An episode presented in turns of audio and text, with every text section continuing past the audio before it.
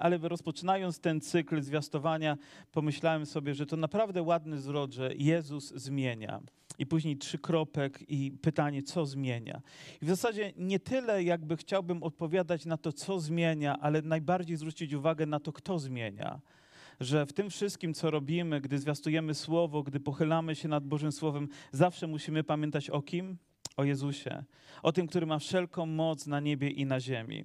I szukając różnych przykładów w Biblii, nawet postanowiłem jeszcze raz przelecieć Nowy Testament, przeczytać, tak bym powiedział, z, z taką intencją, żeby zauważyć wszystkie te miejsca, gdzie to, co czyni Jezus, zmienia, zmienia, zmienia. I dzisiaj chciałbym, żeby to, co będziemy rozważać, było zatytułowane, że Jezus zmienia historię naszego życia. I myślę, że niektórzy z nas już mogą powiedzieć, tak jest, Jezus zmienił historię mojego życia, odkąd pojawił się w moim sercu, odkąd uwierzyłem w Niego. Prawdą jest to? Rzeczywiście tak jest. Chwała Mu za to. Ale myślę, że takim przykładem, który jest tego takim bardzo mm, wielkim dowodem i wielkim świadectwem dla nas wszystkich, jest historia z dziejów apostolskich, która wydarzyła się w rozdziale dziewiątym. Jest to jedno z najsłynniejszych nawróceń, o jakim czytamy, czy, czy jakie przyjmujemy. To jest nawrócenie kogo? Saula. Saula. Dziewiąty rozdział rozpoczyna się oto takimi słowami. A Saul, dysząc jeszcze groźbą i chęcią mordu przeciwko uczniom pańskim, przyszedł do arcykapłana.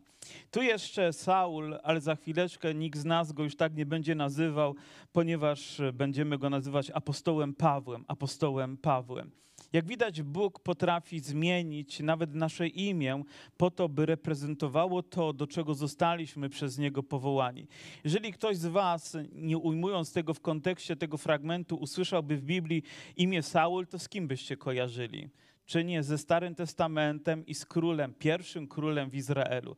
Tak naprawdę wiecie, że Bożym zamysłem było to, żeby on był zawsze królem królów i panem panów. I Księga Sędziów była księgą, gdzie ludzie byli powoływani, aby dokonywać jakichś zmian za wolą Pana na Jego słowo w proroczy sposób i w różnoraki sposób. Ale pewnego dnia lud przyszedł do Samuela, mówi, my króla chcemy. I Panu Bogu tak by smutno się zrobił. Naprawdę? Mówi, nie wystarczy, że ja jestem. No dobra, skoro chcecie, no to upatrzył sobie Saula. I wybrał go i namaścił go przez Samuela. I pewnego dnia nawet dał mu takie słowo, że, mówi, że, że Duch Święty stąpi na ciebie i przemieni cię w innego człowieka. Naprawdę jest to dla mnie niezwykle odkrywające, gdy myślę o tym, że kiedy Bóg przychodzi, kiedy dotyka nas, to przemienia nas, przeobraża nasze myśli, nasze serce w zupełnie innego człowieka. I wielu ludzi, którzy jesteście tutaj na tym miejscu, wasze świadectwo życia, gdybym spotkał was, nie wiem, 20-30 lat temu, być może nawet bałbym się stanąć na drodze waszego życia. Być może patrząc na was, nie rozpoznałbym was, ponieważ dokonała się tak wielka zmiana, ponieważ kto przyszedł? Bóg. Przyszedł Jezus. Przyszedł w mocy Ducha Świętego do naszych serc, aby przemienić, przemienić nasze życie. Ale ta historia zaczyna się, gdy Saul był jeszcze Saulem. Ten nowotestamentowy Saul. I opis jego jest taki, że dysząc jeszcze groźbą i chęcią mordu. To znaczy, że wcześniej również coś się wydarzyło. I przypominamy sobie historię Szczepana, który umiera, będąc kamienowanym, ponieważ jest tam ktoś, kto dyszy chęcią mordu. I to słowo to, nie, nie wiem czy tutaj rozbrzmi właśnie, ale morderstwa, zabójstwa, ukamienowania, w okrutny sposób pozbawienie kogoś życia. Gdybyśmy byli świadkami takiego wydarzenia, nigdy byśmy go nie zapamiętali, bo na naszych oczach dokonuje się masakra. Po prostu i to w imię religijności, w imię tego, że z kimś się nie zgadzamy w pewnych poglądach. I Saul dysząc, a więc wygląda na to, że jak parowóz zachowywał się, parowóz mordu, jadąc ciągle do przodu i do przodu, aby sięgać coraz to nowych ludzi. Jakby mało mu było krwi i nieszczęścia, to jeszcze chce więcej i więcej. Jakim trzeba być człowiekiem, żeby doprowadzić się do takiego stanu? Nie wiem, kogo macie na myśli, myśląc, gdyby te słowa miały kogoś innego scharakteryzować. I wydaje mi się, że żadna ludzka ręka nie byłaby w stanie tego powstrzymać, tego parowozu rozpędzonego, tego zła uruchomionego, tej chęci mordu. Ale pojawia się kto? ten, który zmienia wszystko. I ciekawe rzeczywiście jest to, co się dzieje. I on prosił listy do synagog, a więc nie tylko jakby uczestniczył w bieżących wydarzeniach, ale inicjował je również, żeby tych rzeczy było jak najwięcej. A więc udał się, chciał udać się do Damaszku, więc prosił, aby jeśli mógł znaleźć jakichś zwolenników drogi pańskiej. I wiecie, podoba mi się to określenie. pozwólcie, że na chwileczkę jakby tą atmosferę tego mordu zatrzymamy. I oto pojawia się grupa, która nazwana jest zwolenników drogi pańskiej. Prawda, że ładne określenie. Dotyczy to chrześcijan, tak e, rzeczywiście my się nazywamy ze względu na Chrystusa, ale to słowo zwolenników drogi pańskiej jakby pogłębia tę nazwę. Nie tylko mówi coś potocznego, coś, co stało się niemalże religijne. Nawet partie polityczne potrafią być chrześcijańskie. Stowarzyszenia, różnego rodzaju działania potrafią na szyldzie wypisać sobie chrześcijańskie, ale niekoniecznie mają coś wspólnego. Ale zwolennik drogi pańskiej to ktoś, kto chce świadomie wkroczyć na drogę Pana i nią podążać. I to powinno charakteryzować Kościół. Prawda, że tak? Nie nazwa, która świadczy na zewnątrz, ale to, jaką drogą kroczymy. Nie jakiś szyld wywiesimy, ale to, jakie świadectwo życia wydamy, świadczy o tym, czy jesteśmy zwolennikami drogi pańskiej. A więc zatrzymując się tutaj na chwilę, idziemy dalej, zarówno mężczyzn, jak i kobieta. Jeżeli są mężczyźni i są kobiety i są małżeństwa, to są też dzieci. Nie chcę nadinterpretowywać oczywiście fragmentu, ale tak naprawdę całe domy cierpiały. No wyobraźcie sobie, że jakiś dom pozbawiony jest ojca, idzie do więzienia, albo jeszcze straci z tego powodu zdrowie, życie, albo jakaś kobieta, jakaś matka, jakaś babcia. No nie wyobrażam sobie skali tego zjawiska, które towarzyszyło, tylko najgorsze jest to, że nie możemy użyć tutaj tylko czasu przeszłego. Że wciąż na świecie i nawet w XXI wieku ginie więcej chrześcijan niż kiedykolwiek wcześniej. Być może nawet dzisiaj my nie zwracamy na to uwagę, bo jesteśmy tylko zogniskowani na jednym punkcie, który widzimy, którym jest wojna i okrucieństwo, które za sobą niesie, ale gdzieś w tle, gdzieś w różnych miejscach, zakątkach świata ewangelicznie wierzący ludzie wciąż tracą życie z powodu wiary w Pana Jezusa dlatego że są Jego naśladowcami i dlatego, że jest ktoś, kto dyszy chęcią mordu przeciwko, przeciwko nim. I kto wie, czy pewnego dnia my nie staniemy się kimś, kto będzie na celowniku. Nie jest powiedziane, że tak nie będzie i obyśmy byli na ten czas dobrze przygotowani. Oby nasza wiara była niezłomna, obyśmy bez względu na cenę, którą przyjdzie nam zapłacić, nigdy nie wyparli się imienia Pana Jezusa Chrystusa.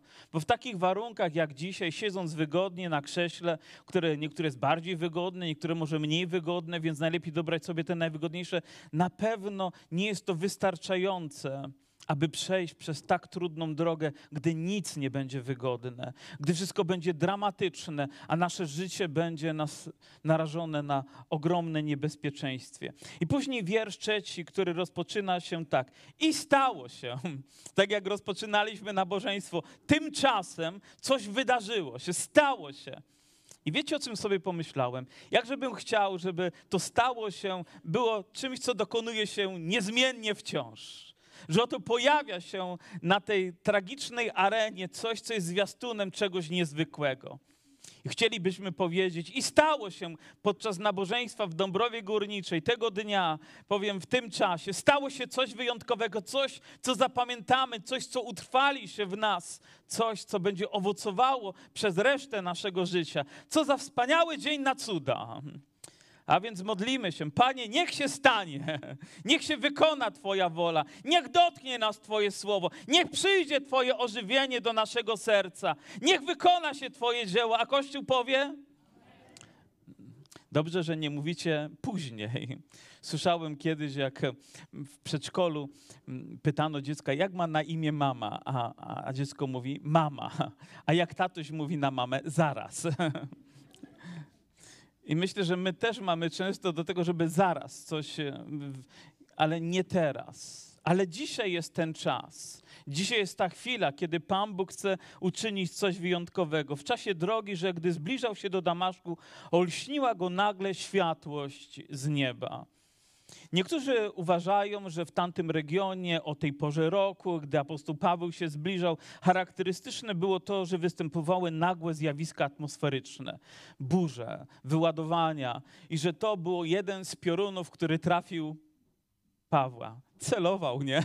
I akurat musiał w Pawła na koniu uderzyć. Tak próbuje się to, tak próbuje się to prosto wytłumaczyć. Ja mam inne wytłumaczenie. Jest ono bardzo proste, zdefiniowane do jednego słowa Jezus. Ja wam powiem, jak on nas trafi, to nic nie może się z tym równać. Jego słowo nas trafi, Jego łaska nas trafi, Jego miłość nas trafi. Nic nie może się temu równać. Czyż Jan nie mówi, że prawdziwa światłość przyszła na świat? Po co? Po to, żeby nas trafiła, tak? żeby wypełniła nasze serca, żeby dotknęła nas z wielką mocą. Wiecie, i tak naprawdę, nawet jeżeli ta sytuacja jest tak dramatyczna, tak dynamiczna, tak wielka, to wydaje mi się, że my wszyscy możemy powiedzieć, nas też trafiła światłość tak? My też ujrzeliśmy tą światłość, my też doznaliśmy no, tego niezwykłego dzieła, że spotkaliśmy, spotkaliśmy Jezusa. Pamiętacie, że to są zwolennicy drogi pańskiej, a więc oni podążają świadomo i celowo za Jezusem, a więc mieli jakieś wydarzenie, które doprowadziło ich do tej decyzji, ci wszyscy, których on szedł prześladować, a teraz przyszedł czas. Nikt nie mówił mu jeszcze kazania. Słyszał pewnie to, co mówił Szczepan, bo był tego świadkiem i być może przesłuchując innych ludzi słyszał, ale to nie przekonywało go. Wiecie, naprawdę człowiek może usłyszeć tysiąc kazań i nic, aż pewnego dnia przyjdzie jakieś wydarzenie takie niezwykłe, wprost nieba. I jak nas dotknie, jak nas wypełni, już takimi nie pozostaniemy. Ja też byłem człowiekiem, któremu mówiono, o, że potrzebuje tam Ewangelii, potrzebuje zbawienia. I dla mnie to było trochę takie bla, bla, bla, bla, bla, bla, bla, bla, bla, aż przyszedł Jezus. I ja wam powiem, już takim to nie było było tak osobistym, tak głębokim przeżyciem, tak świętym doświadczeniem, że nie da się tego po prostu zapomnieć. I padł na ziemię. A więc y, jeżeli jechał mm, na zwierzęciu, to z tego zwierzęcia spadł i padł na ziemię. Gdy szedł, to przewrócił się jak nieżywy. Dość modne w naszych zborach stało się to, że podczas modlitwy ludzie padają nie wiem, takie zjawisko jest i nawet jakby oczekuje się, że jak najwięcej jest takich rzeczy, to znakiem, że jest najwięcej takiej duchowości, nie? O, jak się ktoś przewróci, o, to była moc Boża, to naprawdę, bo ktoś padł. Ale ja jestem bardzo sceptyczny, gdy chodzi o zjawiska, Natomiast nie tak, że neguję wszystko, ale nie, nie traktuję tego tak, że one są wy, wymiernością naszej duchowości. Tutaj widzę powód, dla którego ten człowiek padł. I bym nawet bronił wszystkie społeczności, które próbują używać jakichś takich technik albo, nie wiem, importować nawet jakieś pogańskie rzeczy po to tylko, żeby dokonywać to wśród chrześcijan, by zrobić na nich wrażenie. Ja wam powiem, biada takim ludziom wcześniej czy później biada. Natomiast jeżeli Pan przychodzi i On dotyka naszego życia i On sprawia, że nasze kolana się zginają, On sprawia, że padamy pod Jego łaską i mocą, to wiecie, różnica będzie w tym, że wcześniej ludzie padną, powstaną i takimi samymi wyjdą. Ale gdy Bóg sprawi, że padniemy na twarz, to gdy się podniesiemy, już nigdy nie będziemy takimi samymi ludźmi. Będzie to świętość która będzie charakteryzować nasze życie. I ja bym chciał, żebyśmy wszyscy w ten sposób padli w Bożej obecności, ale byśmy podnieśli się i oby nasze życie zmieniło się tak, jak On tego chce, bo Jezus zmienia, naprawdę zmienia. Widzimy na początku człowieka dyszącego chęcią mordu, udającego się po listy i nagle światłość go olśniewa, pada na ziemię i wiemy, że dokonuje się coś niezwykłego, bo słyszy głos mówiący do niego Saulu, Saulu, czemu mnie prześladujesz? On pewnie zaintrygowany i zdziwiony takim pytaniem mówi, kto jesteś, Panie? I to słowo Panie tutaj jest z dużej litery, a więc rozumie, że rozmawia z aniołem może? Z jakąś istotą duchową, nie ma świadomości tego, ale tak wyraźnie Jezus się przedstawia, a On, czyli Jezus, mówi, ja jestem Jezus, którego Ty prześladujesz. Jakby w całym życiu Pawła, w jego gorliwości, jego nieustępliwości, w jego wykształceniu, bo wiemy o nim dość sporo z innych fragmentów Bożego Słowa, gdy on nawet sam siebie próbuje przedstawiać i mówi, że jest e, pochodzenia rzymskiego, bo to ujawnia w jakimś momencie i mówi, że ma dobre wykształcenie, wychowywał się u stóp Gamaliela. Gdybyśmy dzisiaj, powiem, mieli przenieść to na nasz grunt i powiedzieć, jakie on miał wykształcenie, to jedno z najwyższych.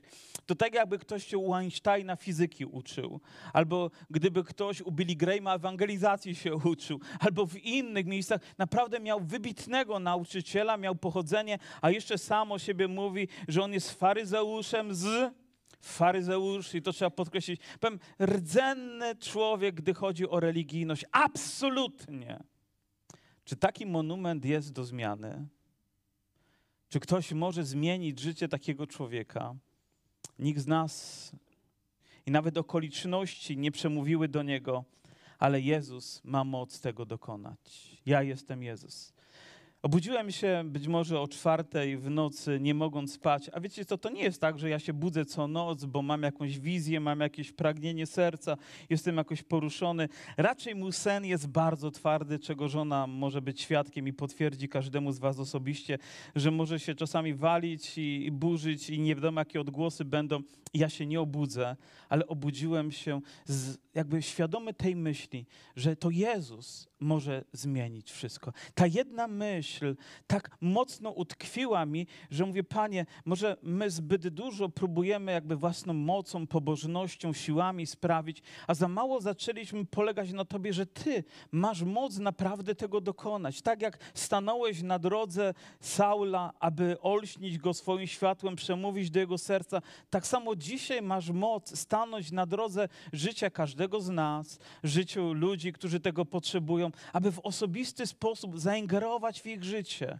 I ta myśl stała się tak miłą, że, że, że po prostu z radości aż ciężko było zasnąć. Po prostu wiecie, co to jest leżeć na posłaniu i się cieszyć. Być może niektórzy z was te chwile prze, przeżywali, ale taka radość ogarnęła mnie na myśl, mówię, Panie, jakbym zapomniał o tym wszystkim, że to Ty zmieniasz życie ludzi, zmieniasz historię, zmieniasz bieg ich życia i Panie chce na nowo.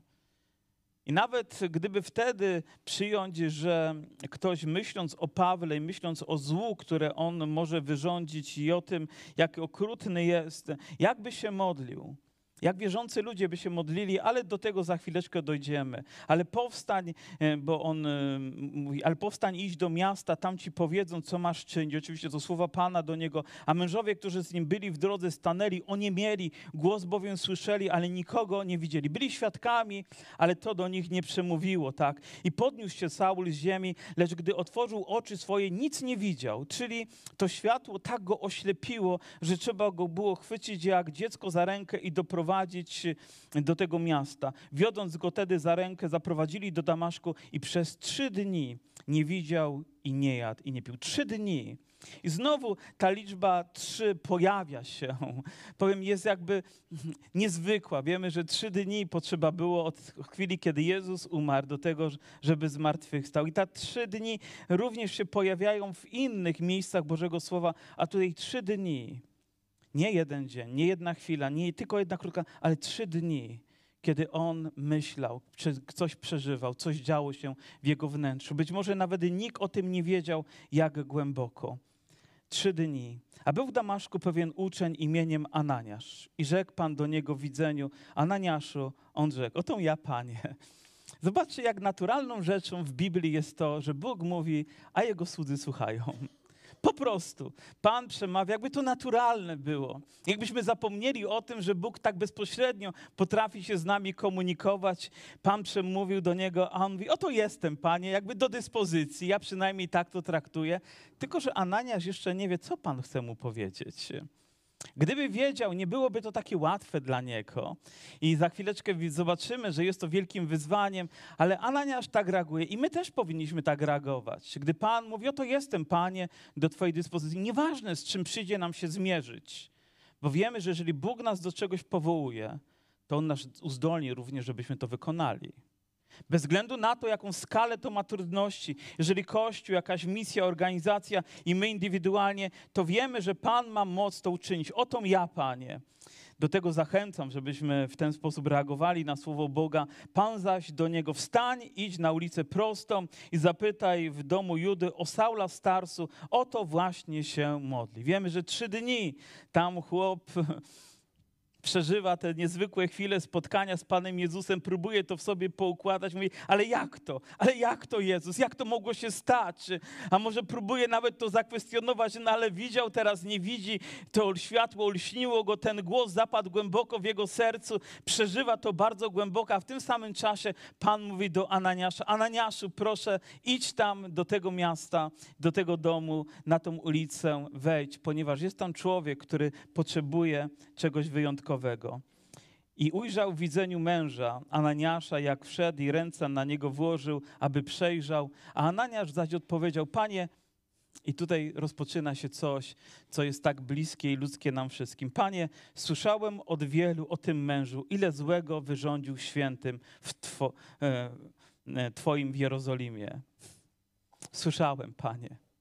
Słyszałem, Panie, ile on złego wyrządził. Wiecie, jakby Pan Bóg nie wiedział, ile on złego wyrządził. Jakby nie wiedział, do kogo go posyła, jakby nie wiedział, z czym musi się Ananiasz zmierzyć. Jakbyśmy musieli doinformować Pana Boga o tym, że to tak się wydarzyło. Ja chyba już to opowiadałem, ale raz mieliśmy spotkanie modlitewne, modliliśmy się tutaj w kółku i była pewna siostra w Panu, w Jezusie Chrystusie, naprawdę. I ona modli się i modli się takimi słowami. Mówi, Panie, wiem z pewnego źródła, że... I powiedziała tam coś, co wie z pewnego źródła. Pan Bóg jakby nie wiedział o tym. Trzeba było poinformować Pana Boga. Proszę, nie róbcie tego. Pan Bóg wie, czasami kłócimy się, czasami trudno nam to zaakceptować. Wydaje się to rzeczą niemożliwą wręcz do akceptacji, ale Pan Bóg mówi, ja wiem, co robię.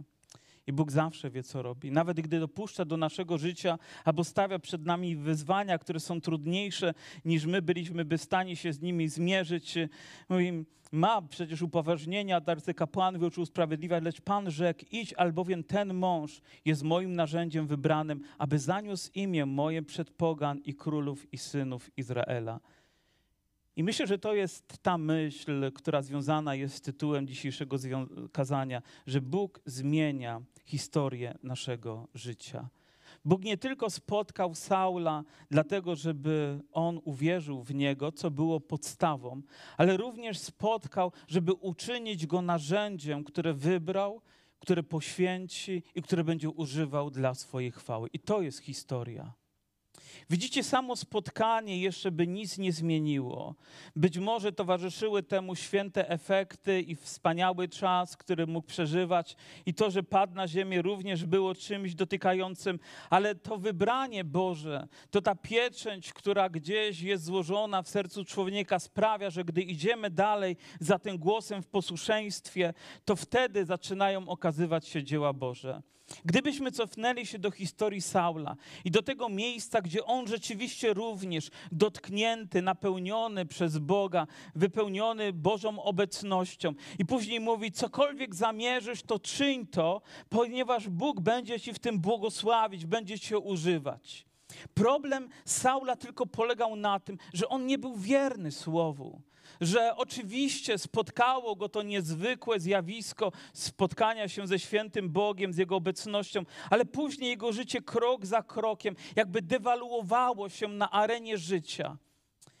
Nie, nie tylko istotą jest to, że mamy jakieś jednorazowe przeżycie i być może wystarcza nam sił na to, żeby pójść jeszcze tydzień, dwa, miesiąc, rok, niektórym może nawet dłużej, ale to jest to, że gdy jesteś powołany przez Boga, to zmienia się cała historia Twojego życia wtedy, kiedy Ty okazujesz posłuszeństwo Bożemu Słowu. Kiedy nie tylko naczynie jest wypełnione, ale ono jest powołane, nie tylko jest uświęcone, ale staje się świadectwem Jego świętości, jest używane z wielką mocą dla Jego chwały i taki cel Bóg miał również dla Niego. Mówi, ja sam bowiem pokażę mu, ile musi wycierpieć dla imienia mego. Być może Paweł tego nie wie, ale Ananiasz już wie, że będzie poddany wielu próbom Gdy zapraszamy ludzi, żeby przyszli do Chrystusa, obiecujemy im: O, Twoje życie będzie tak wyjątkowe, będziesz tak szczęśliwy, wszystko zacznie się układać w Twoim życiu. O, ni, nic nie może się z tym równać, Twoje problemy finansowe znikną, zdrowie się poprawi. Wiecie, wiele z tych rzeczy ma miejsce. Ale czy ktoś powiedział wam, że będzie pełne poświęcenia i pełne wyzwań, że może spotkają was trudniejsze rzeczy niż to, gdy żyliście w świecie? Że staniecie w okolicznościach, których nawet nie przeżywacie czasami w pracy, a przeżywacie je w kościele, że zmierzycie się z rzeczami, które będą tak trudne. I Paweł nawet nie zdawał sobie sprawy, że religijność, którą wcześniej miał, to było, to było nic w porównaniu z tym, co go czeka teraz. Ale jedno, co było niezmienne, on spotkał Jezusa, a Jezus zmienił jego życie. I nie ma rzeczy ważniejszej dla Ciebie niż to i dla mnie, że spotykamy Jezusa. Nieważne, jakie będą wyzwania, które stają przed nami, problemy i góry, które będą się pojawiać na drodze naszego życia. Pan Jezus obiecał nam, że nas przez nie wszystkie przeprowadzi, przez nawet dolinę cienia śmierci. Gdy pojawią się góry, On ma moc je usunąć i wrzucić w ocean, ale chce, żebyśmy do nich się zbliżyli, a może nawet zaczęli się wspinać, a Bóg będzie dokonywał kolejną historię w naszym życiu, bo On zmienia historię historię naszego życia. Zaczynamy chodzić już nie swoimi drogami, ale Jego drogami. On zaczyna nas prowadzić, On nas namaszcza i uzdalnia do tego, co możemy ze względu na Jego imię uczynić. I poszedł Ananiasz i wszedł do domu i włożył na niego ręce i rzekł: Wiecie, myślę, że każda z tych decyzji, którą po, po, on pokonywał po drodze i dokonywał, była trudna dla niego, że wszedł do jakiegoś domu, może wszedł do tego pokoju, spotkał tego człowieka, jego serce biło coraz mocniej, ale robił to w posłuszeństwie słowu, które otrzymał od Pana. I kładzie na niego ręce i mówi oto tak, bracie Saulu. Pomyślcie, do człowieka, który skrzywdził tak wiele bliskich mu osób, słyszał o tych wszystkich złych rzeczach, które on wyrządził innym osobom, a teraz kładzie na niego ręce i mówi: Bracie Saulu. Wiecie, to tak, jakbyście poszli do więzienia i spotkali tam człowieka, który dokonał strasznych rzeczy, które również miały miejsce w życiu Twojej rodziny, skrzywdził bliskie Ci osoby, a teraz Ty masz pójść do tego miejsca, aby go pobłogosławić? Nie wiem, ilu z Was byłoby gotowych to uczynić. Nie wiem, czy ja byłbym gotowy to uczynić, więc wiem, ile kosztuje. Pan Jezus, który się ukazał w drodze, jaką szedłeś, posłał mnie, abyś przejrzał i został napełniony Duchem Świętym.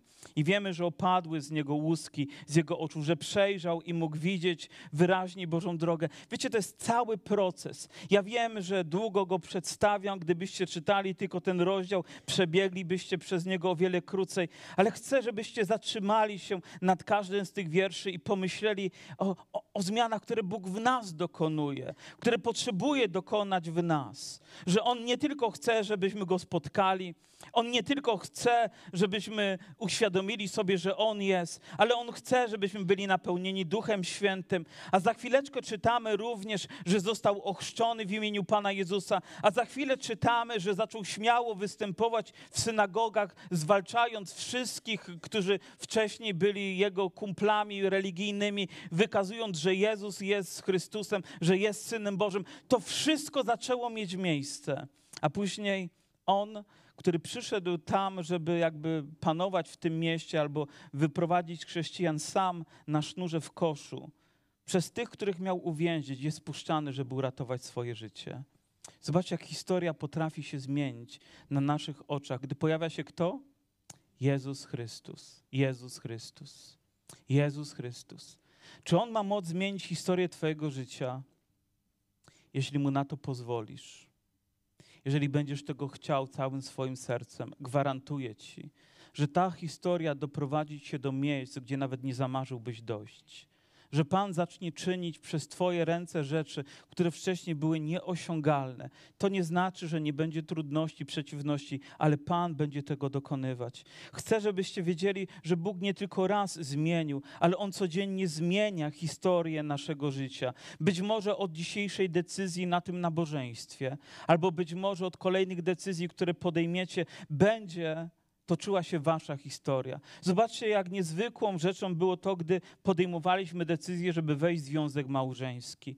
I jakże ważną rzeczą było to, żeby wybrać właściwą osobę, żeby wiedzieć, że ta osoba jest od Pana, żeby rozpoznać ten głos potwierdzający w naszym sercu, żeby pójść tą drogą, bo jeżeli tak nie będzie, to Twoje życie stanie się dramatem. Jeżeli tak będzie, Twoja droga nie będzie łatwa, ale będzie błogosławiona.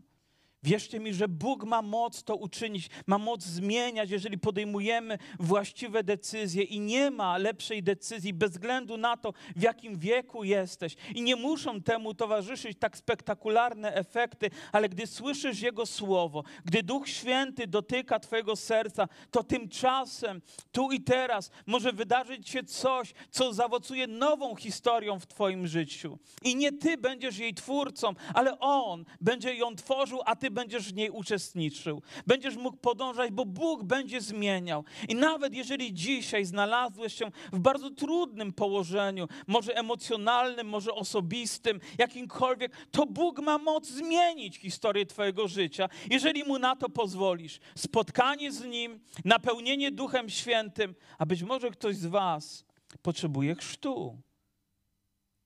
W innym miejscu kto mówi, dlaczego teraz zwlekasz? Stań, daj się ochrzcić. Wezwawszy imienia Jego, to kolejna historia z apostoła Pawła dotycząca tego wydarzenia opowiadana w odpowiednim miejscu na świadectwo ludziom. Dlaczego zwlekasz?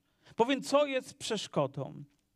I podzielę się z wami jeszcze jedną myślą, do której doszedłem. Jak wiecie, rozpocząłem czytanie Nowego Testamentu i kiedy rozpoczynacie czytać Nowy Testament, to rozpoczynacie od księgi od początku to Mateusza, rozdział pierwszy. I pierwszą rzeczą, na którą się natknięcie będzie rodowód Jezusa Chrystusa.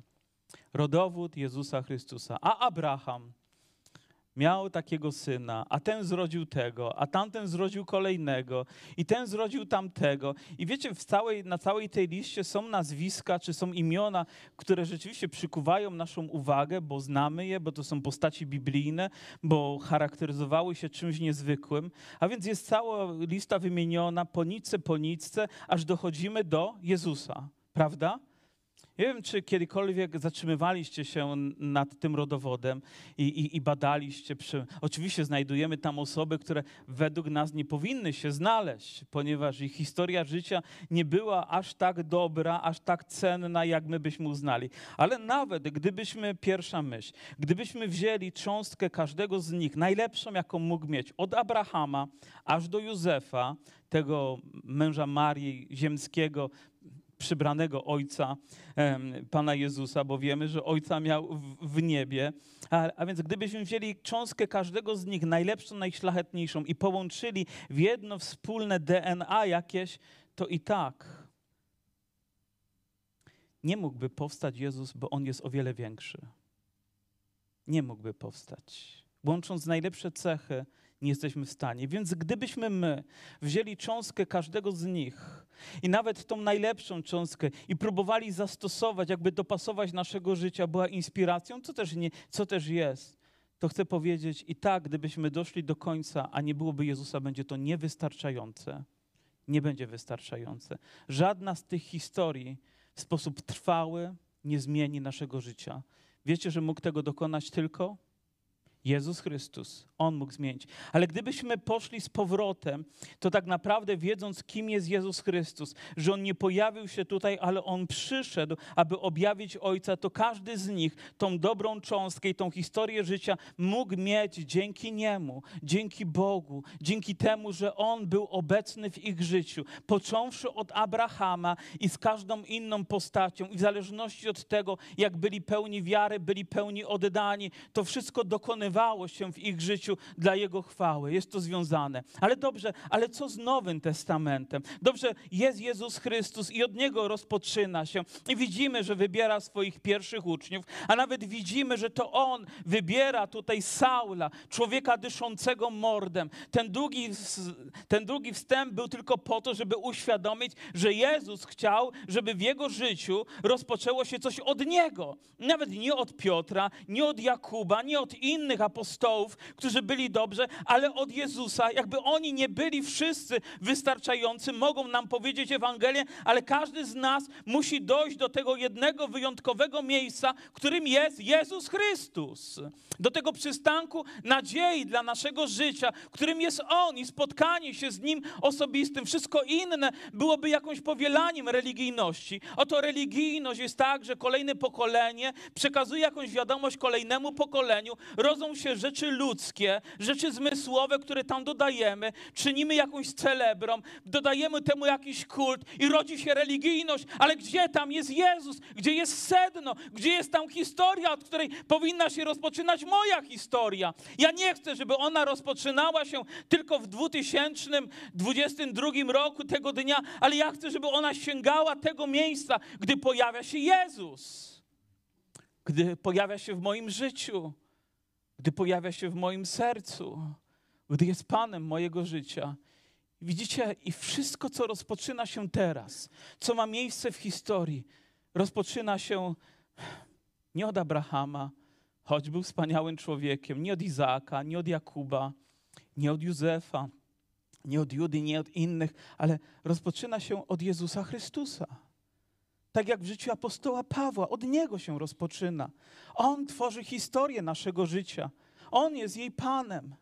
Do tego dochodzimy i gdy uchwycimy to sedno, gdy my jako Kościół uchwycimy, nie pielęgnujemy tylko tradycji tych, którzy byli przed nami, cenimy to, że wytrwali w wierze, zachowali swoją wiarę, ale jeżeli nowe pokolenie, jeżeli my, wierzący ludzie dzisiaj, nie odkryjemy istoty celu Chrystusa, Jego piękna i chwały, tego, co On czyni w nas, to będziemy błądzić.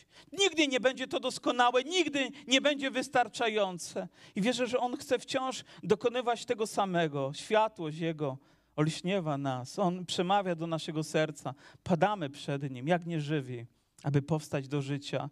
A później ktoś modli się o nas, zostajemy napełnieni Duchem Świętym i nawet potrzebujemy innej osoby. Przecież dlaczego Pan nie mógł tego dokonać tam w drodze do Damaszku? W tym samym czasie, trzy w jednym, bach i do nieba. Wiecie, nie chodzi tylko o to, ale ktoś pojawia się, ktoś z miłością, ktoś, kto pokonuje bariery, kładzie ręce i mówi, modli się o nas. I modli się o nas. Wiecie, bo w nim działa ten sam duch, co działał w dniu pięćdziesiątnicy i który, jak wierzę, działa również dzisiaj na tym miejscu. Amen. Ten sam duch, ten sam Jezus, ta sama chwała. I on zaczyna tworzyć nową historię. Taką jak w życiu Pawła, oczywiście w wydaniu o nasze obdarowania, o nasze zdolności, o nasze możliwości, ale to tworzy Jezus.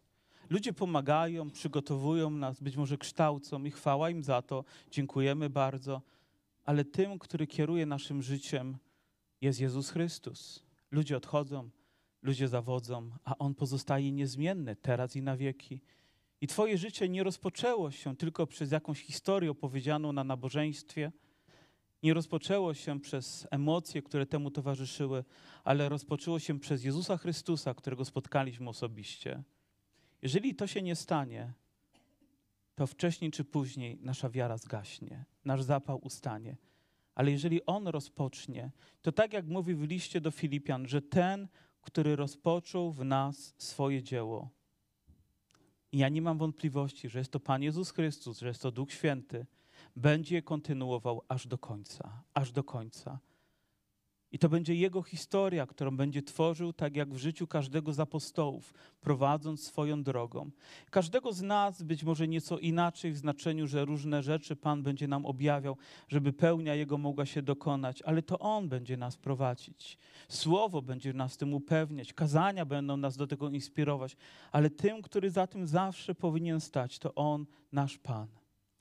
Wszystkie te pokolenia, 14, 14, 14 do Chrystusa ale my już nie liczymy liczb 14, 14 czy 2000, tylko wciąż rozpoczyna się to w tym samym miejscu. Tymczasem od Jezusa Chrystusa rozpoczyna się historia życia mojej siostry mojego brata, którą On będzie kierował przez resztę ich życia. Proszę, pozwól mu na to. Proszę, powiedz, Panie, właśnie tego potrzebuję. Ty zmieniasz historię mojego życia. Ja nie chcę, żeby ktoś mówiąc Mówią, o, bo, bo ja tak zadecydowałem. Ja chcę z całą świadomością wiedzieć, że to Duch Święty mnie do tego skłonił, że to On mnie poprowadził. Czy nawet Ananiasz poszedłby do tego domu, gdyby nie Pan? Nie. Czy Paweł pojechałby do Europy, gdyby nie Pan? Nie. Czy dzisiaj Ewangelia byłaby tutaj, gdyby ta historia nie rozpoczęła się od Jezusa? Nie, nie byłoby. Pamiętaj, że to, co najistotniejsze w Twoim życiu, zawsze będzie prowadzić Cię do Jezusa i od Jezusa dalej, i dalej, i dalej, wraz z Nim, wraz z Jego obecnością. Tak bardzo potrzebujemy. Jeszcze nigdy chyba tak głęboko nie przeżyłem, czytając rodowodu Jezusa jak teraz. Oczywiście czytałem, że była tam kobieta, która prowadziła nierządne życie, że był tam Boaz, wspaniały człowiek, jego historia, inne rzeczy, które mnie inspirowały ale wciąż rozumiem, że to wszystko zawsze prowadziło do Niego. Zawsze, zawsze. Cała religijność Pawła, całe jego przygotowanie prowadziły do tego wyjątkowego miejsca i dlatego odważa się mówić, że wszystko uznałem za śmiecie ze względu na Chrystusa. Całą moją przeszłość, całą moją religijność, nawet moje pochodzenie nie ma znaczenia wobec doniosłości, jaką ma to, że poznałem Jezusa Chrystusa, że On jest Panem mojego życia że to On teraz mnie prowadzi, uchwycił mnie. Umarłem dla tego świata, aby powstać i żyć razem z Nim. Z Chrystusem jestem ukrzyżowany, żyję już nie ja, ale żyje we mnie Chrystus. I naprawdę dawał tego świadectwo każdego dnia. I gwarantuję Ci, że da to samo świadectwo, ten sam Pan w tej samej mocy w Twoim życiu że ono nie musi być jakimś tam życiem, które jakoś tam się toczy i nie wiadomo dokąd zmierza, ale odkąd poznałeś Chrystusa, poznałeś również cel swojego życia, poznałeś Jego wartość, odkrywasz nową historię, w którą On wkroczył, Twój święty Pan i niech ją wykonuje dla swojej chwały. Amen? Mam nadzieję. Po prostu mam nadzieję. Wiecie, gdyby dzisiaj nawet ludzie mieli się modlić o największego wroga w swoim życiu, o naj, największego oprawcę, to nie powinni się modlić, Panie, niech tam spadnie na niego siarka z nieba. A może modlić się o niego, żeby poznał Chrystusa, bo wtedy rozpocznie się nowa historia. A Bóg ma moc uczynić wszystko, co On zechce. Ale my nie powinni zmieniać tej pieśni, naszej modlitwy, ponieważ każdy człowiek, bez względu na to, w jakim miejscu jest, jak wygląda teraz jego życie, potrzebuje go spotkać osobiście. Może dzisiaj Pan przyprowadził Cię na to miejsce, na to miejsce w tym jednym celu, byś tymczasem, byś teraz, oto teraz, oto tu, oto On, mógł spotkać Jego na nowo, na nowo.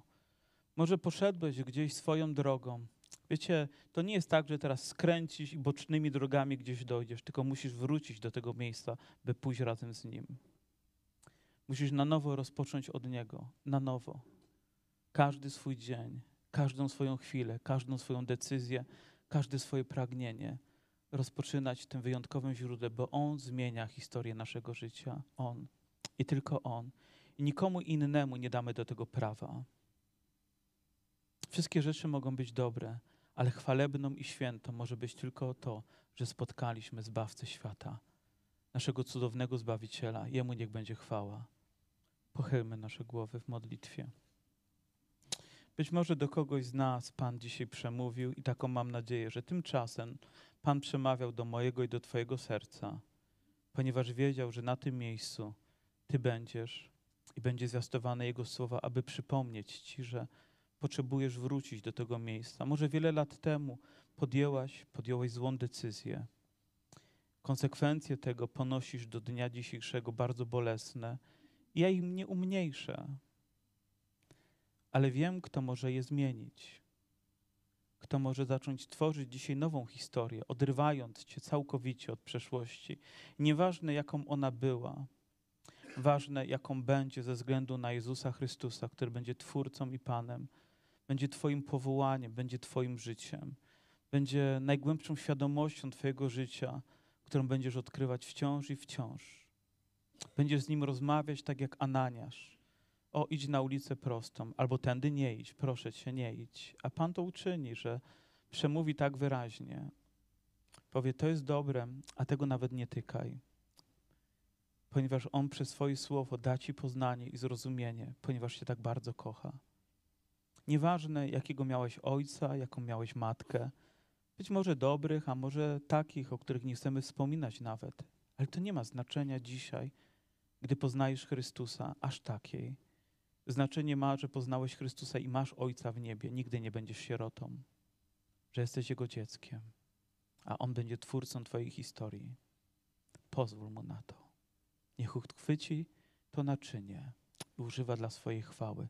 Dzisiaj mocno swoją ręką. Kto z Was potrzebuje modlitwy? Podnieście na chwilę swoją rękę. Kto? Zdecydowanie i mocno, z wiarą i ufnością. Nie rób tego, jeśli wahasz się tylko, tak bym powiedział, a nie chce mi się. Ale jeżeli pragniesz, to wyraź to. Kto jeszcze? Proszę, podnieście ręce. Podnieście. Powstańmy.